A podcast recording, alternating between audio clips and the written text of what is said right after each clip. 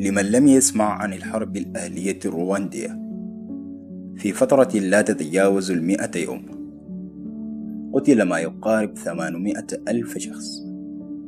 وتعرضت مئات الآلاف من النساء للاغتصاب. لمن لم يسمع عن الحرب الأهلية البورندية قدر عدد القتلى بحوالي ثلاثمائة ألف قتيل. والكثير من الحروب الأهلية على مستوى العالم وعلى المستوى المحلي. أحداث العنف القبلي التي جرت في إقليم النيل الأزرق والتي راح وراءها ضحايا ونفر كريم. الرحمة والمغفرة لكل ضحايا الحروب الأهلية. وهذه من باب الذكر لا الحصر. الحرب أولها كلام. كل تلك الحروب كان مبدأها خطاب.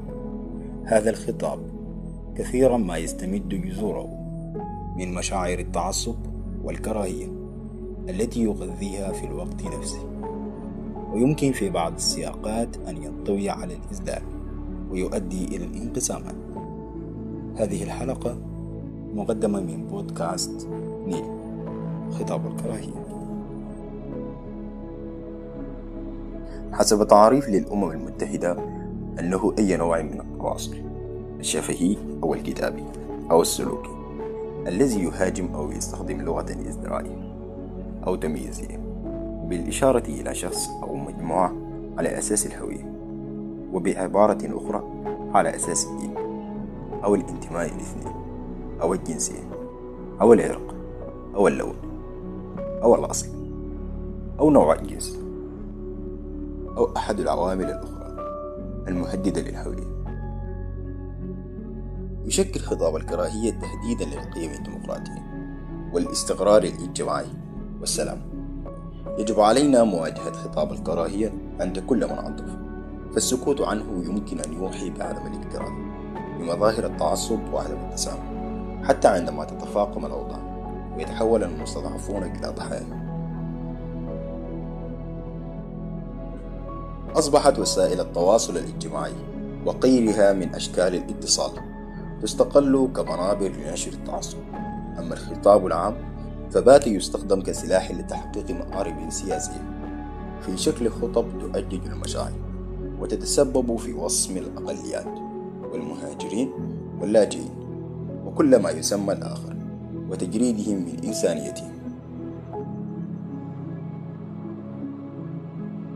وهذه ليست ظاهرة معزولة أو مجرد أصوات مدوية لعدد قليل من الناس يعيشون على هامش المجتمع وبذلك تنهار قاعدة مجتمعية ومع انهيار كل قاعدة من قواعدنا الأساسية تهتز أركان إنسانيتنا المشتركة.